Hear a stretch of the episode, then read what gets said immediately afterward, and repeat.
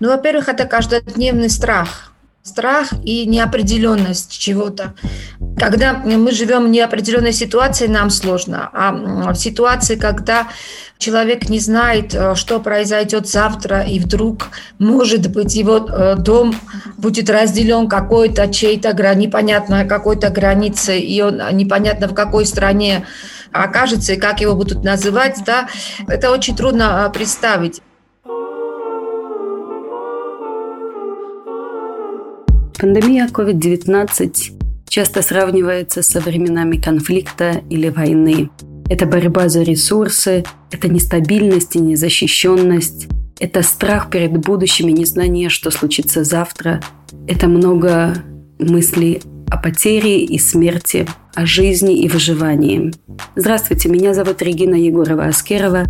Я здороваюсь с вами из Тбилиси, из Грузии из страны, где очень много переживаний и нестабильности. И не только по поводу пандемии, но также здесь, в этой стране, есть два неразрешенных конфликта.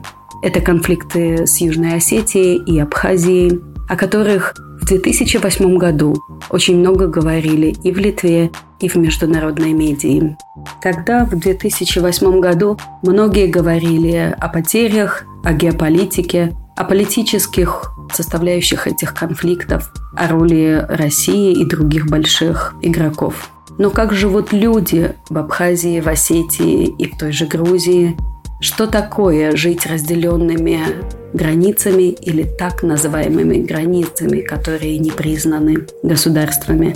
В середине апреля Грузию потрясла новость о том, что четверо людей, этнических грузин, погибли, переплывая реку Ингури из Восточной Абхазии на территорию, контролируемую Грузией. Территориально-этнические конфликты начала 90-х в Грузии с Абхазией Южной Осетией и потом последовавший конфликт 2008 года с присутствием российских войск и там, и тут нанесли изменения на карты этого региона, а также в жизнь обычного населения. Эти люди, которые переплывали через реку, это этнические грузины, которые проживают в большинстве в восточной части Абхазии. Эти люди являются гражданами Грузии, но проживают на территории частично признанной Абхазии. Эти этнические грузины проживают в определенном лимбо. Они не свои ни тут и ни там. У них мало прав в Абхазии, и они не могут использовать свои гражданские права на территории подконтрольной Грузии.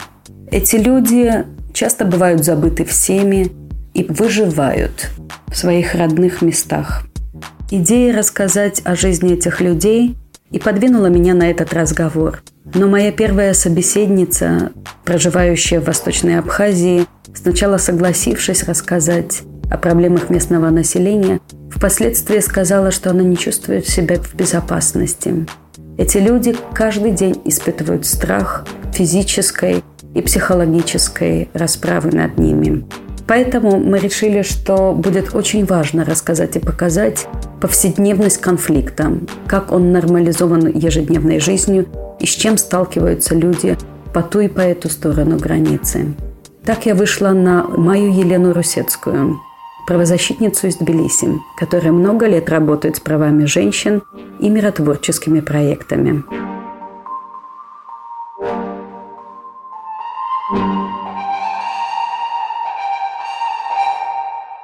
Майя, расскажите немножко о себе. Э, чем вы занимаетесь? Что вы делаете каждый день?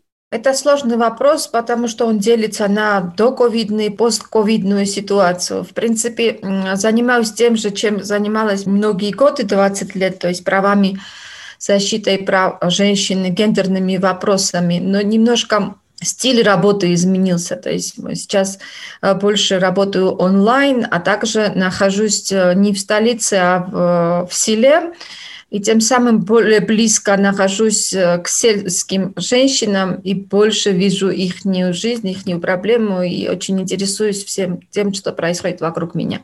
И что же происходит вокруг вас, если мы коснемся сегодня ситуации в Грузии, ситуации в Южной Осетии и Абхазии? У людей, которые живут в постконфликтном регионе. Как рассказать об этом, как живут эти люди, тем, которые далеки от конфликта или от Южного Кавказа, те, кто живут в Прибалтике или в странах постсоветского региона, как им рассказать, чем живут эти люди?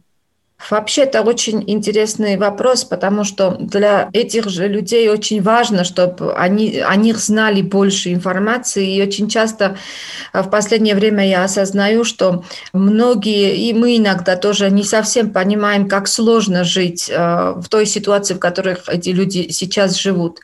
Во время войны, во время войн, более-менее человек знает, что ожидает э, от войны, какие опасности и больше может быть даже мобилизован. А в постконфликтной ситуации как бы такое затишье мне кажется, оно более опасно для человеческой безопасности, для человеческой психики и вообще для семей, особенно тех, кто а, более уязвимы в этой ситуации. В основном это особенно женщины, дети, старики, а, больные люди, одинокие. А, для них особенно сложно.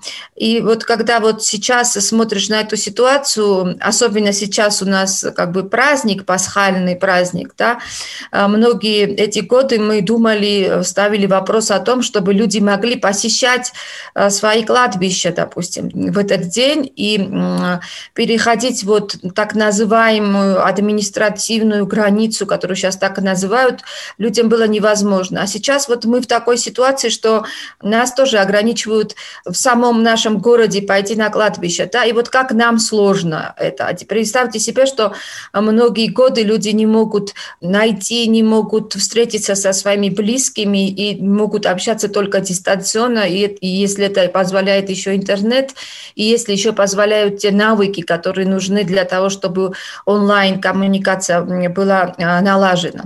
Тем самым э, жизнь этих людей, она намного сложна, чем вообще можно представить э, себе. Нужно поставить иногда себя на, на их место, чтобы понять э, до конца их жизнь. Это очень болезненный вопрос человеческой безопасности. С чем сталкиваются каждый день? Если вы можете вспомнить или рассказать несколько примеров э, людей, которые каждый день живут с конфликтом, пусть то абхазским конфликтом, э, грузино-абхазским конфликтом рядом или осетинским конфликтом, э, немножко расскажите в примерах, как это выглядит. Ну, во-первых, это каждодневный страх. Страх и неопределенность чего-то. Когда мы живем в неопределенной ситуации, нам сложно. А в ситуации, когда э, человек не знает, э, что произойдет завтра, и вдруг, может быть, его э, дом будет разделен какой-то чей-то непонятно какой-то границей, и он непонятно в какой стране окажется и как его будут называть, да, это очень трудно представить. И вот этот страх, который вот, например, я живу, и кто-то выстрелил вокруг меня, или, я не знаю, хлопушку, у меня страх. А теперь эти люди, которые живут там и могут ощущать это каждый день, и дети, которые это постоянно а, слышат, и очень много примеров, когда вот дети напуганные, маленькие дети то под кровать зайдут или пугаются. Потом человек, наверное, ко всему привыкает, но тем самым он не привыкает к хорошей жизни, и это не может ни к чему хорошему впоследствии привести. В первую очередь это ограничение его развития, его потенциала, который в человеке есть, он не может реализовать себя, и это очень сложно. Усложняет ситуацию и бытовые проблемы, которые у людей есть, вот эта неопределенность, она связана также с доступом информации, когда люди не знают, какой информации с чьей стороны верить и как действовать. Базовые сервисы, сервисы самые элементарные сервисы, которому человек недоступен. Это очень сложно да, жить. Например, если я живу в Тбилиси, я застрахована, у меня есть доступ а, к здравоохранению, и я тоже могу быть довольна чем-то недовольна, то у людей не то, что страховки, вообще нет доступа да, к здравоохранению. А плюс еще вопросы передвижения, вопросы инфраструктуры там, где он живет, э, и плюс ограничения, допустим, перемещения в ту местность, в ту, на ту территорию, которую он хочет попасть, которая ближе, ближе к нему, для того, чтобы получить сервис, и он не может получить этот сервис и ищет какие-то выходы. И вот в поисках этих, э, этих выходов э, мы сталкиваемся с очень большими проблемами с жертвами. Да? Например, в том селе, где мы работали, в Чорчана, это маленькая деревня, где приблизительно 19 э, семей проживает. И в основном женщины занимались э, эм, сбором цветов, которые в Грузии употребляются для пищи. Джонджоли называется, очень популярная еда. И они приобретали вот это, вот, вот это в лесу. Да? И вот эти э, непонятные непонятный процесс бордеризации ограничивает их доступ в лес. Даже первая встреча, которая была и шокировала меня в Чорчанах, когда я встретилась с этими э, женщинами, которые там проживают, и когда я их спросила, чем вы здесь живете, их не ответ – до сих пор шокирует меня, потому что это был такой ответ, что мы живем, а, собирая цветы 3 и 8 марта Ялке, которые потом реализуем, и эта реализация тоже сложна.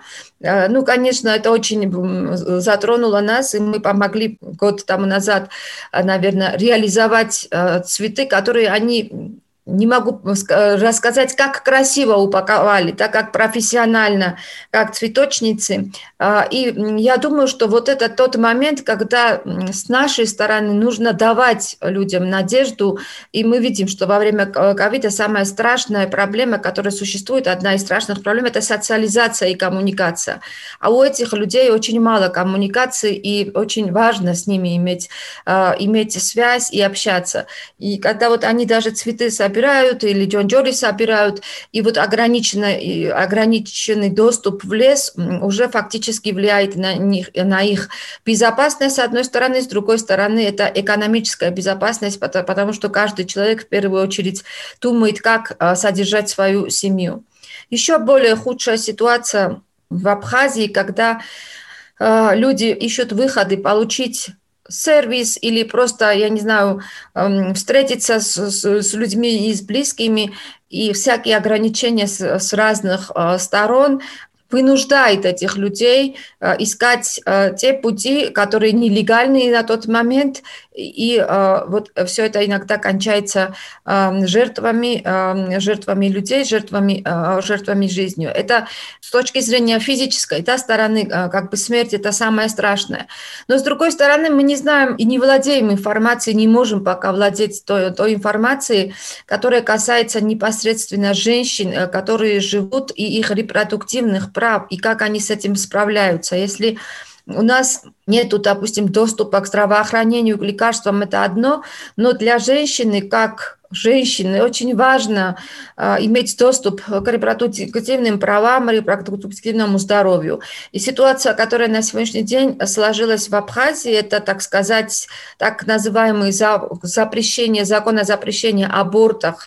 Это особенно плохо влияет, потому что любой запрет, мы знаем, что он переходит на нелегальный уровень, люди ищут выход из положения. И этот выход, опять-таки, э, женщины, наверное, ищут в самом близком для них месте. Это либо, наверное, с российской стороны это Сочи, с грузинской стороны это Зугдит или Тбилиси. Официально как бы они не могут это сделать, и, наверное, приходится нелегально действовать. Поэтому очень трудно определить, сколько женщин перешли из этого границу, а сколько женщин в домашних условиях пришлось сделать аборт. Этой информации не существует, а, но это индикатор, а, который везде, во всех странах, мы знаем, там, где запрещено, люди переходят в другие страны, но там более в Европе более свободное перемещение и нет таких границ, а здесь вот так называемые а, границы в жуткое положение а, попадают, конечно, женщины.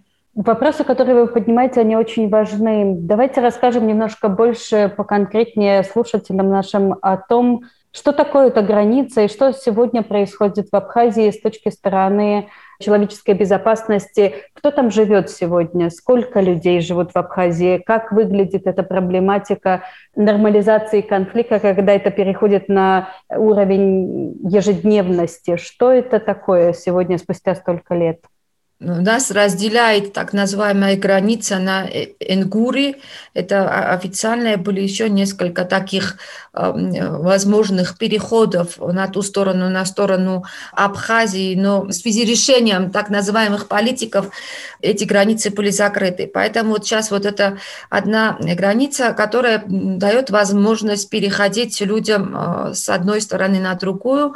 И, разумеется, эти люди сталкиваются и с абхазскими не знаю, пограничниками, с русскими, я не знаю, кто там а, стоит, и потом с грузинскими, и нужно миллион всяких документов, которые перепроверяются.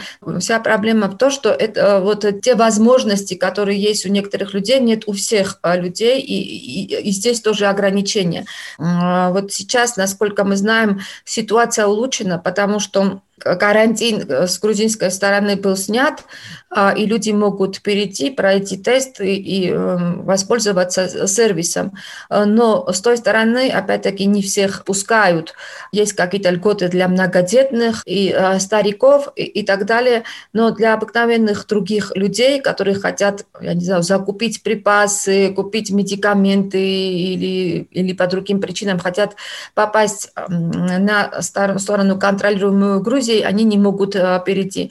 Это особенно осложняет ситуацию, э, когда вот с грузинской стороны, когда переходим э, на сторону Абхазии, это Гальский район, где в основном проживает население грузинское. И вот эти люди живут в ситуации, где у них ограничено образование на своем собственном языке, на грузинском языке, да, и это тоже очень сложно, несмотря на то, что абитуриенты, то есть люди, которые хотят поступить в университет, могут э, воспользоваться грузинскими вузами. Очень сложно молодежи, которая, которой приходится учиться на русском, например, языке, э, поступить в грузинский вуз и иметь такой же полноправные, полноправные возможности, э, как у человека, который закончил школу в Тбилиси или в каком-нибудь другом городе.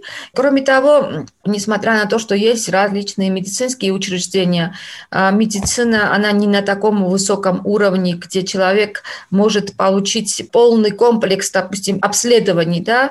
Речь идет об обыкновенном, я не знаю, эхоскопии, рентгеноскопии и так далее. И сами медики тоже об этом говорят, потому что диагноз, который они ставят, это не, не может быть окончательным диагнозом, потому что у людей нету тех, той аппаратуры, допустим, да, которая а, должна быть, тех медикаментов.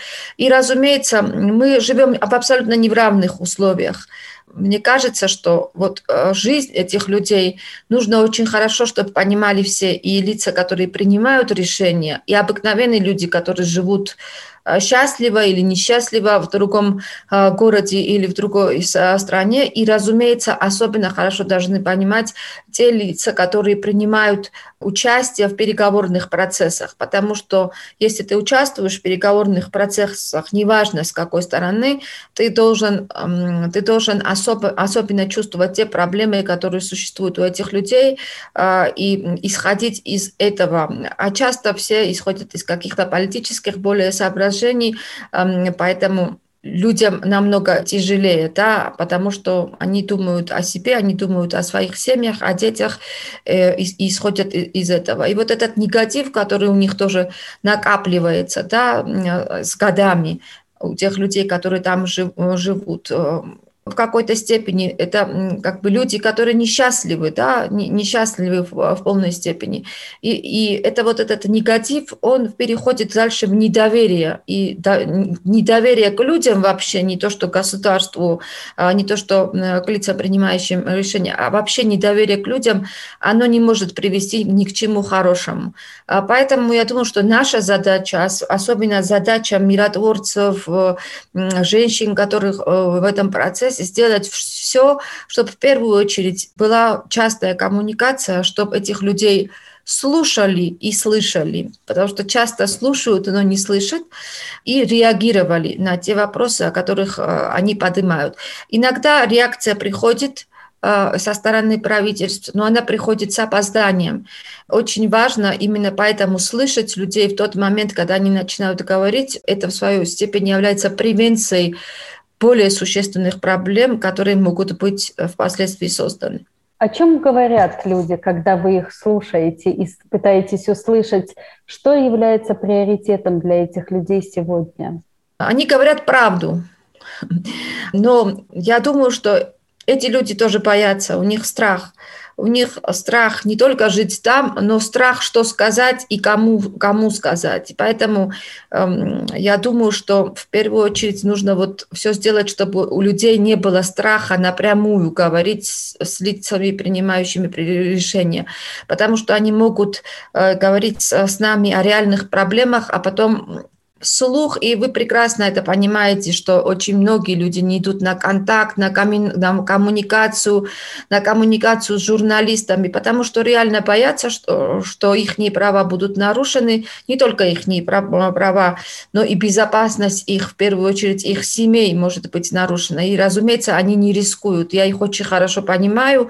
Мне кажется, что вот с абхазской э, стороны, например, очень важно, чтобы мы я имею в виду миротворцев, которые здесь живут, а, миротворцы, правозащитницы, которые живут в Гале, в Сухуми, в Гагры, чтобы мы могли напрямую с друг с другом общаться, чтобы мы могли напрямую узнать друг друга побольше, потому что вот этот постковидный период, который а, сейчас или а, еще мы в процессе да, третьей волны, в определенной степени он приостановил миротворческие какие-то процессы и встречи. Несмотря на то, что онлайн-встречи – это хорошо, а, все равно а, социализация и напрямую встреча дает возможность больше нам друг другом раскрыться. И нужно очень хорошо понимать и проблемы тех людей, да, абхазов, осетинов, и проблемы грузин, которые живут в Галии, проблемы тех грузин, которые живут не в Галии, а э, со стороны, допустим, контролируемой территории э, э, Грузии. Да. Нужно нам общаться напрямую, и это не должно происходить в других странах. И я думаю, что то, что они могут сделать, мужчины должны сделать мы, женщины, и я, например, э, в любой момент готова, если будет возможность и содействие со стороны международных организаций и со стороны правительств поехать в Сухуми и встретиться. Я не боюсь встречи со своими коллегами. Я не воевала, у меня нету, так сказать, этого бэкграунда. Единственное, чем мы всю жизнь занимались, это помогали людям, поэтому я думаю, что это общая проблема. И мы после войны это хорошо ощущаем. Во время войны у меня была возможность помогать раненым в больнице и так далее, там подобное. Я была очень молодая, но уже после войны мы видим, что для многих женщин, к сожалению, одним из ключевых вопросов был, например, обмен сыновьями, которые были потеряны, да, и это общая проблема. Несмотря на вот это горе, вот э, поиск пропавших э, сыновей была радость, радостью для них. И в этом были задействованы и грузинские, и абхазские женщины. Поэтому эта боль одна, это боль общая, и вот для того, чтобы этой боли не было, мы должны уметь разговаривать друг с другом, преодолевать все те страхи, которые у нас есть э, вокруг, и готовиться к этому диалогу.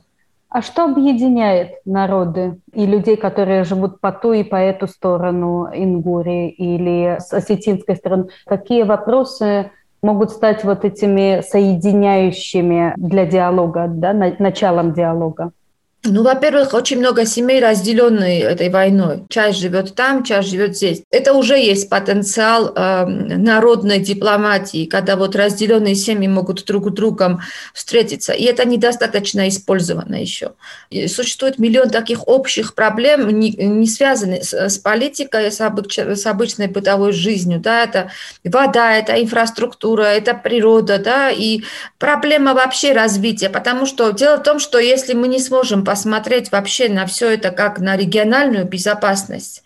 Потому что Грузия очень маленькая, Абхазия еще э, очень маленькая, да, регион очень маленький. И вот этот маленький регион, я думаю, что Южный Кавказ или Кавказ даже, да, он должен понять, что это, эти проблемы общие. И если мы не будем как бы думать о мирных процессах, то мы просто можем пропасть кто-то из нас может пропасть. Да? Поэтому регионы и разные страны тоже должны это понимать. А проблемы очень много общие. Если мы посадим за один стол э, женщин, у которых, э, допустим, дети с ограниченными возможностями, да, у них общие проблемы, да, у многодетных матерей общие проблемы, у одиноких матерей общие проблемы, да, люди очень свободно могут найти общий язык, Э, могут поменяться опытом, обменяться опытом, хорошим опытом, я говорю, да, и э, вот этот э, хороший опыт очень важно перенять. У нас, у тех людей, которых сейчас нету, но были возможности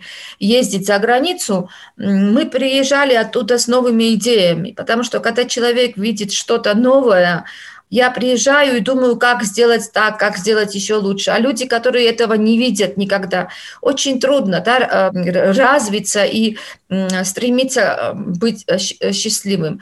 И я думаю, что права женщин и равноправие, которое мы, к которому мы должны стремиться, а здесь еще проблемы, связанные с насилием в семье, чему основа является, конечно, неравноправие и тоже несуществование закона на, на месте и несуществование механизмов защиты женщин, все это еще больше усугубляет проблему. Мы должны понимать, что неравноправие э, и равноправие, оно очень пропорционально связано с счастьем и несчастьем. То есть э, чем больше семей существует в равных правах, с равными возможностями, тем более счастливы эти семьи.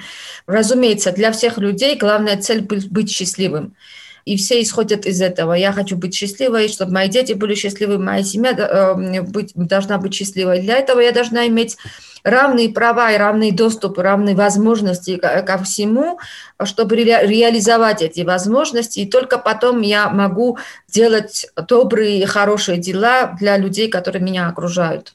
Вы затронули уже вопрос э, гендерных аспектов конфликта и постконфликтной ситуации в Грузии. А права женщин и права людей, они взаимосвязаны очень, права человека и права женщин взаимосвязаны э, напрямую. Что происходит в Грузии с домашним насилием, особенно в эту постковидную э, эру? Это новый мир, это новая реальность. Э, весь мир говорит о том, что э, пандемия домашнего насилия следует за как бы COVID-19 пандемией. Что происходит в Грузии? Если вы владеете информацией, что происходит э, в этих территориях, которые замкнуты и закрыты границами или разделительными линиями? Ну, если бы мне вчера этот вопрос задала бы Регина, я чуть-чуть по-другому ответила. Сегодня я вчера очень много думала об этом. Во-первых, разница то, что у нас есть закон, у нас есть институции, которые за это отвечают, у нас есть механизмы, человек может обратиться за помощью, получить эту помощь качественную или некачественную какую-то, есть неправительственные организации и так далее. А люди, которые э, живут э, в Абхазии э, и сталкиваются с этой проблемой, им просто некуда обратиться. Обратиться еще за помощью, это не значит решить все проблемы. Дело в том, что вот я как раз вчера думала об этом, и несмотря на то, что мы очень много говорим о тех стереотипах, которые существуют, о тех э, культурных нормах, социальных нормах, традиционных и так далее, так, которые влияют да, на этот процесс, очень серьезным фактором является занятость людей, даже не экономическое состояние, а занятость людей, бездельничество, которое вот сейчас существует, я говорю вокруг меня. Я чувствую, что это большая негативная энергия, которая выливается далее в насилие против женщин, не только в семье, но, но и вообще. Да? Человек, который целый день э, может э, ничем не заниматься – у него нет никакой возможности, я сейчас в большей степени о мужчинах говорю, нет возможности развития, нет возможности э, получить информацию, пойти в библиотеку, поиграть в футбол, я не знаю, чем-то заняться, да, и он эту энергию направляет либо в алкоголь, либо еще зависим, зависимость какая-то, то, разумеется, потом весь этот негатив, который он, он, он себе держит, он изливает на слабого человека с физической точки зрения. И в данной ситуации этот слабым оказывается либо женщина, либо ребенок, либо старики, которые вокруг нас. Очень много, и которые испытывают насилие. Насилие, когда мы говорим о насилии, мы в основном общество подразумевает больше физическое насилие. Но физическое насилие, фемицид и так далее, это кульминация того, что женщины испытывают вообще. Да? Это психологическое, в первую очередь, насилие. А в постковидной ситуации, где еще больше углубилось и экономическое положение, и, и проблемы с передвижением, и плюс еще ограничения, когда э, все в одном доме, и, допустим, не ходили к друг другу, соседи друг к другу, и не ходят сейчас, потому что боятся, даже тогда, когда можно, да, э, этих ограничений. Э, все это еще больше действует на психологическое состояние, и еще больше действует на психическое состояние людей. Поэтому я вот сегодня утром смотрела совершенно случайно статистику с 2014 до 2019 года в два раза увеличил, увеличилось количество женщин эм, псих, с психическими заболеваниями. Да?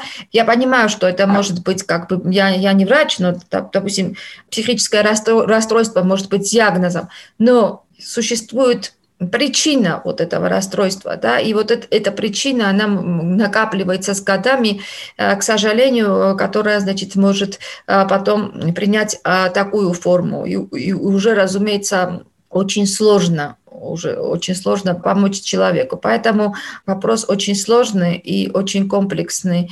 Эта проблема нас тоже объединяет, потому что несчастливые э, люди везде и по-разному, а счастливые люди похожи друг на друга, как говорил великий писатель. Поэтому я думаю, что женщины в Абхазии, в Южной Осетии и э, так называемой близ административной линии проживающие люди и, и в столице, э, люди с хорошим социальным статусом, э, состоявшиеся э, женщины, они имеют общие проблемы, и эта проблема их объединяет. Мы знаем очень много случаев жизни людей и семей с известным хорошим статусом социальные, но в семье творится очень большие проблемы, связанные с насилием. Так что статус и деньги – это не гарантия счастливой жизни. Есть ли у вас возможность общаться и поддерживать отношения или хотя бы обмен информацией с э, активистками, женщинами из гражданского общества Абхазии и Осетии тоже, чтобы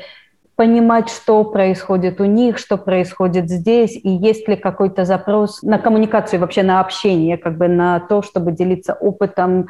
А, может быть, сейчас стало легче, все стали экспертами Зума или еще чего-то, стало легче как бы говорить да. друг с другом.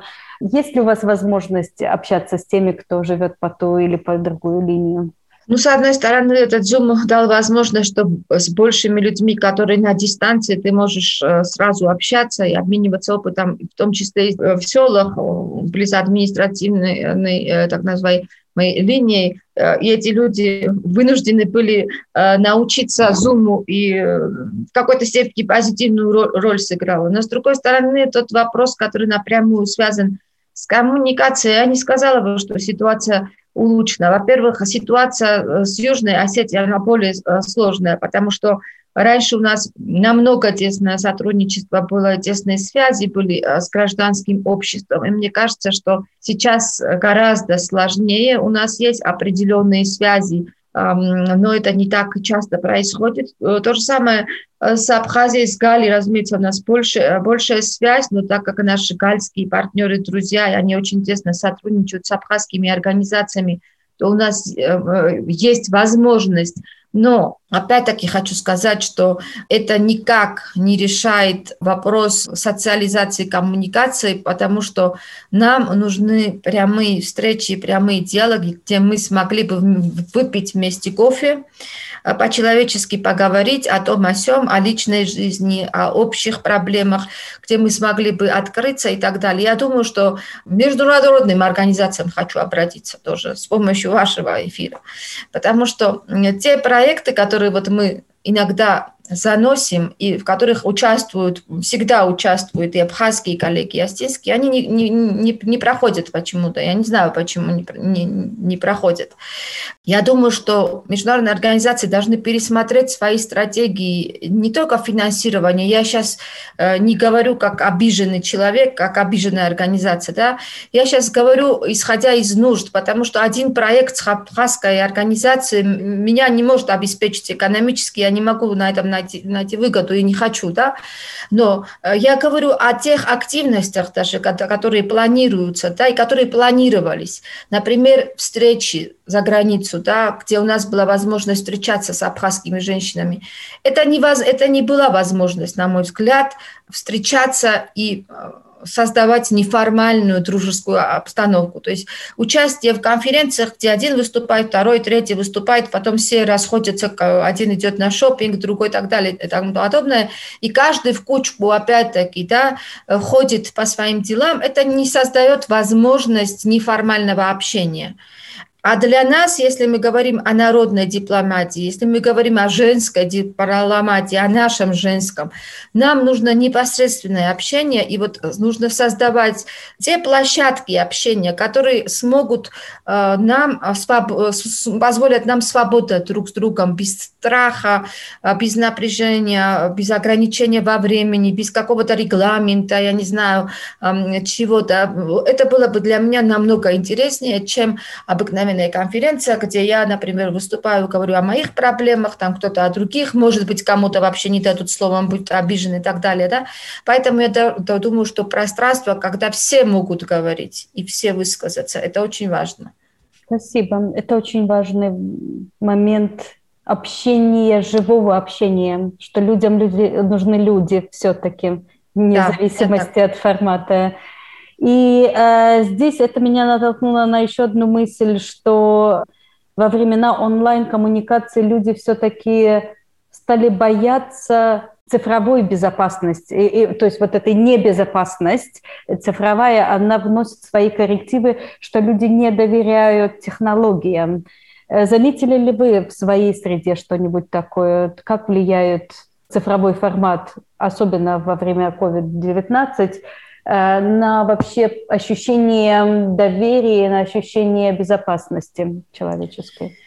А, ну, если цифровой э, формат дал бы такое ощущение, очень много бы встреч произошло за последнее время, э, двухсторонних, трехсторонних. Мы не застрахованы. Мы знаем, что не все имеют э, доступ к тому же Zoom, который больше безопасность. Для этого нужно платить больше денег. Да?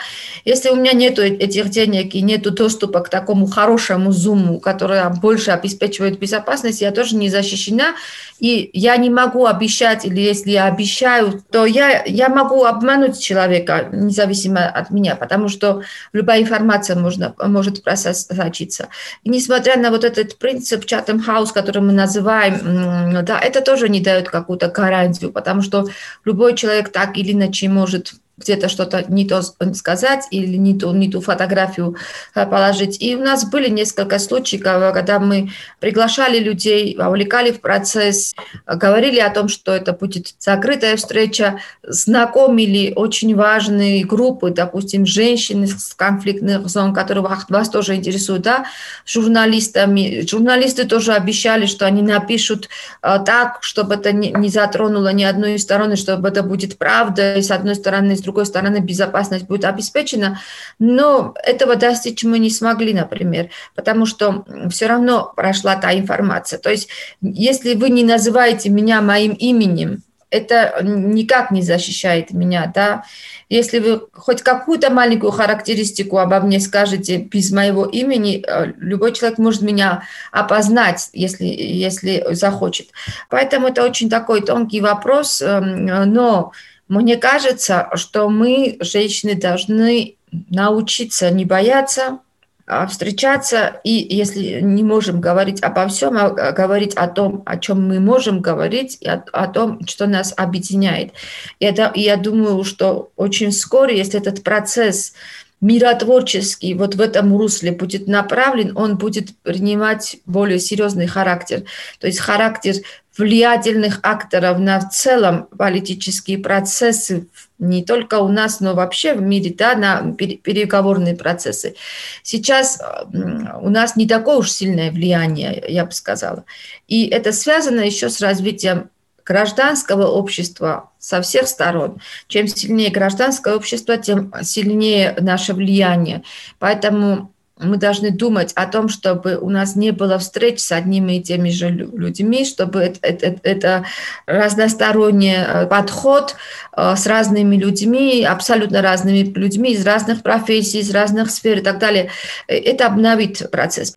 А чего боятся люди, как вам кажется? Людям, которые далеки от Южного Кавказа и реалий сегодня здесь, чем это грозит? Откровенность или честность, или высказывание своего мнения? У людей разные фобии вообще в жизни. Может быть, ему вообще не грозит эта опасность, но он боится, потому что у него нет доверия. Вот здесь, например, да, вообще нет ни, ни войны, ничего. Человек боится что-то вслух сказать или не сказать, или думает, что у него что-то отнимут. Да? Почему? Потому что коммуникации нет у него э, часто э, с, людьми, с принимающими решения. Если у него есть возможность встречаться с этими людьми, даже если проблема, которую, о которой он говорит, проблему не может э, решить человек, принимающий решение, но человек слушает э, объяснения аргументированные, почему в данный момент ему не могут понять, для него это понятно. Здесь нет нарушения коммуникации. И у него, э, для него это понятно, он не обиженный человек. И у него есть доверие, потому что с ним поговорили. А здесь, когда с людьми не говорят, да, разумеется, ко всем страхам добавляется вот эта неопределенность, э, недоверие, человек боится э, всего, потому что с ним просто не разговаривают те люди, которые должны с ними разговаривать и слушать их. Я думаю, что те люди, я не знаю, я за них не хочу отвечать, но они меньше боятся военных действий, может быть, чем э, других э, каких-то факторов. Это мне так кажется. Но, конечно, я за них не могу э, говорить, потому что я не представляю и не могу себе представить, как можно жить в таких условиях. И для меня это было бы невозможным. Поэтому у меня потребность больше с этими людьми говорить, чтобы больше узнать об их проблемах и, и со многими людьми говорить, то есть не с одними теми же людьми, а со многими с разных регионов, с разных муниципалитетов, с разных местностях, потому что э, вот когда мы в Чорчана э, начали работать, оказалось, что мы одна из первых организаций, особенно женских, которые туда вообще э, приехала. И у этих людей очень много проблем решилось. И это решилось э, благодаря государству, да, решило. Но мы подняли этот вопрос, да. Но самое интересное то, что после того, как они начали доверять нам, они начали об этом вслух говорить. И теперь они ставят эти вопросы, и они достигают каких-то э, результатов. Э, я не могу забыть один случай, когда вот там были проблемы, и журналисты приехали, они не давали журналистам интервью, потому что они говорили, что журналисты это плохо освещают, что все неправильно освещают. Но после нашего, допустим, тренинга с ними в хорошей обстановке, неформальной, а не в такой гостиничной, да, где мы организовали, люди открылись, и когда мы привели туда журналистов, они уже с большим удовольствием об этом говорили, радовались, что они по телевизору говорят о своих проблемах, и их кто-то показывает. Очень-очень легко это все изменить, если всем вместе захотеть, и, разумеется, это немножко не люблю это изъезжее какое-то слово, координация, да, все говорят о координации, но никто этим не занимается, с одной стороны. Но с другой стороны, очень важно не мешать друг другу, а содействовать, да, и, и знать, потому что эти места очень небольшие места, и люди, конечно же, ищут выгоду экономической точки зрения, с какой-то точки зрения, потому что они должны выжить. А ты, когда, который человек, который хорошо здесь живешь, да, и приезжаешь туда и знаешь, что до этого другой кто-то приехал, нужно поговорить с ним, спросить, э, как и что действовать, чтобы не испортить что-то чтобы не создать конкуренцию между теми э, людьми там а, и те отношения, которые у них есть, хорошие, не испортить. Очень о многом нужно думать, чтобы помочь процессу и, и не испортить тоже. Очень важная роль у коммуникации. Из ваших слов слышно, что очень важно говорить друг с другом, важно давать и создавать платформы разговора, где люди могут между собой как между там, через границу поговорить, так и на местном уровне с теми, кто принимает решения. А как вам кажется, роль э, информационных агентств, роль медиа, журналистов и разных информационных полей, которые существуют. Скажем, российская информационная часть, да, и э, грузинская, западная э, культура информации. Что происходит в Грузии с этой стороны? То есть есть ли э, раздел или водораздел между э, социумом, который употребляет разные источники информации, и что с этим делать тоже нужно? Да, ну, люди, которые живут, они с разных источников получают информацию. Это уже вопрос, к какому типу информации люди имеют вообще доступ, а, находясь там, к грузинскому, к российскому или так, э, или так далее, да, к абхазскому. И, соответственно, к чему имеют доступ, э, та пропаганда больше работает. Да, и э, часто медиа является к сожалению, политическим инструментом, да, или было бы хорошо, если бы она была бы миротворческим инструментом. И ограниченное число журналистов занимается миротворцем. Это очень ценный кадр, когда журналисты этим занимаются постоянно, потому что у них много информации, той информации, которой э, нет у других людей. Что касается грузинской медиа стороны, я думаю, что она вообще этим не занимается вообще не освещает эти вопросы, вообще а, в основном больше освещаются на уровне пресс-релизов переговорные э, вопросы, да, на уровне каких-то катастрофических событий, допустим, переплыл Ингурий, погиб, э, кого-то убили, кого-то захватили. А э, каждодневная жизнь человеческая не ощущается. Поэтому мне не интересно, например, существует исключительно несколько агентств, может быть, информационных, которых непосредственно интересует этот вопрос и более глубоко этот вопрос изучают. Я как, может быть, специалист, как, может быть, человек, человек, который этим интересуюсь, э, прочитаю эту информацию. А в целом, к сожалению, это не касается только конфликтных э, ситуаций. Это в целом касается, например, освещения домашнего или насилия против женщин. Да, освещается если кровь прольется, если кого-то убили, если, если очень такой шокирующий факт. А не, не, не освещается, допустим, информация, что человек, который насиловал женщину, э, его осудили, э, как это происходило, чтобы синдром ненаказуемости как-то убрать. Да? Если вот мы были бы в этом направлении, работала бы медиа, а не на сенсацию, разумеется, меньше насилия было бы и в целом, и этот процесс был бы, э, бы содействовал. Поэтому э, роль э, журналистов очень большая в миротворческом процессе и в информационном плане для того, чтобы люди, живя в одном регионе, знали друг о друге. Я не говорю э, о, большом регионе, как Южный Кавказ, даже не говорю о большом регионе, как Кавказ. Я говорю даже внутри, в Грузии, в Грузии да, чтобы Гагра знала, что происходит в Галии, что происходит в Зугдите, чтобы мы знали человека, который живет в Кахете, волновало его этот вопрос. Да. И если провести опрос актуальных проблем,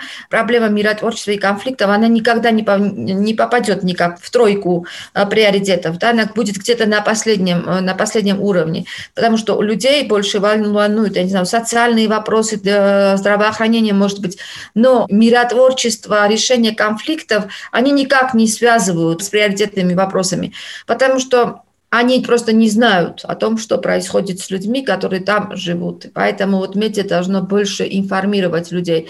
Эта информация не обязательно должна быть негативная, как все привыкли. Да? Есть очень позитивные истории, позитивные истории женщин и то, и с этой стороны, которые чем-то интересным занимаются в тех же самых условиях. Да? И говорить и о проблемах, и, о, и об успехах. И как раз вот это может родить то, что если я вижу, что этот человек мне показывает, что он реализов, реализовывает себя, что он может может это сделать, но у него есть какие-то проблемы, у меня, как здесь человек, живущий в Тбилиси, например, возникнет солидарность к нему, и, может быть, я ему начну помогать, и этим будет наше миротворческое движение усиливаться, да, то есть я захочу быть э, с ним, я захочу эм, быть частью его э, деятельности. И это, это и будет миротворческий процесс. Опять-таки, если мы не знаем все это, то мы не можем быть частью друг друга. И вот чтобы это не усилилась отдаленность, э, нужно побольше думать тем организациям, которые могут содействовать процессу, эм, помочь чтобы вот этот процесс не был приостановлен, а был продолжен и видоизменен в лучшую сторону. Если вернуться к эм, возможному опросу мнения людей, что бы вы назвали э, на сегодняшний день как приоритеты для того, чтобы над чем нужно работать?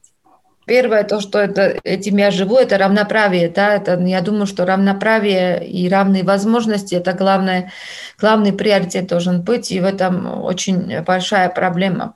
А второе – это доступ э, к возможности, экономическая возможность и политическая возможность для женщин. То есть для того, чтобы мы могли усилить женщин без этих двух компонентов и совместно, это невозможно, потому что власть, она влияет, и поэтому мы должны иметь доступ к власти, чтобы что-то изменить, и для этого нам э, нужны ресурсы.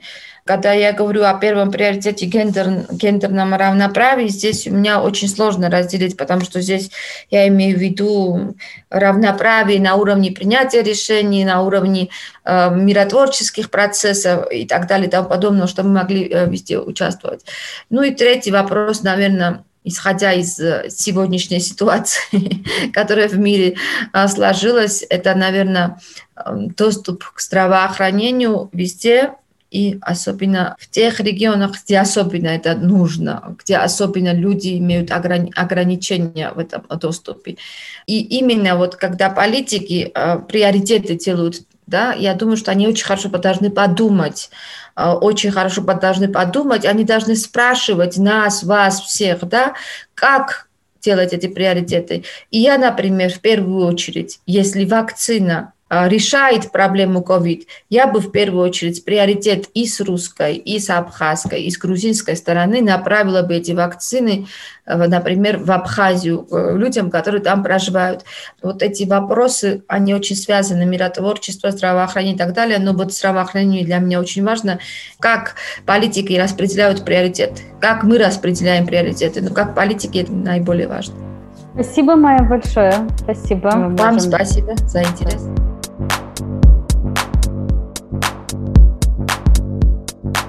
Вами была Регина Егорова-Аскерова. Я говорила из Тбилиси. Спасибо, что слушали и были с нами. До следующих встреч. И будьте здоровы.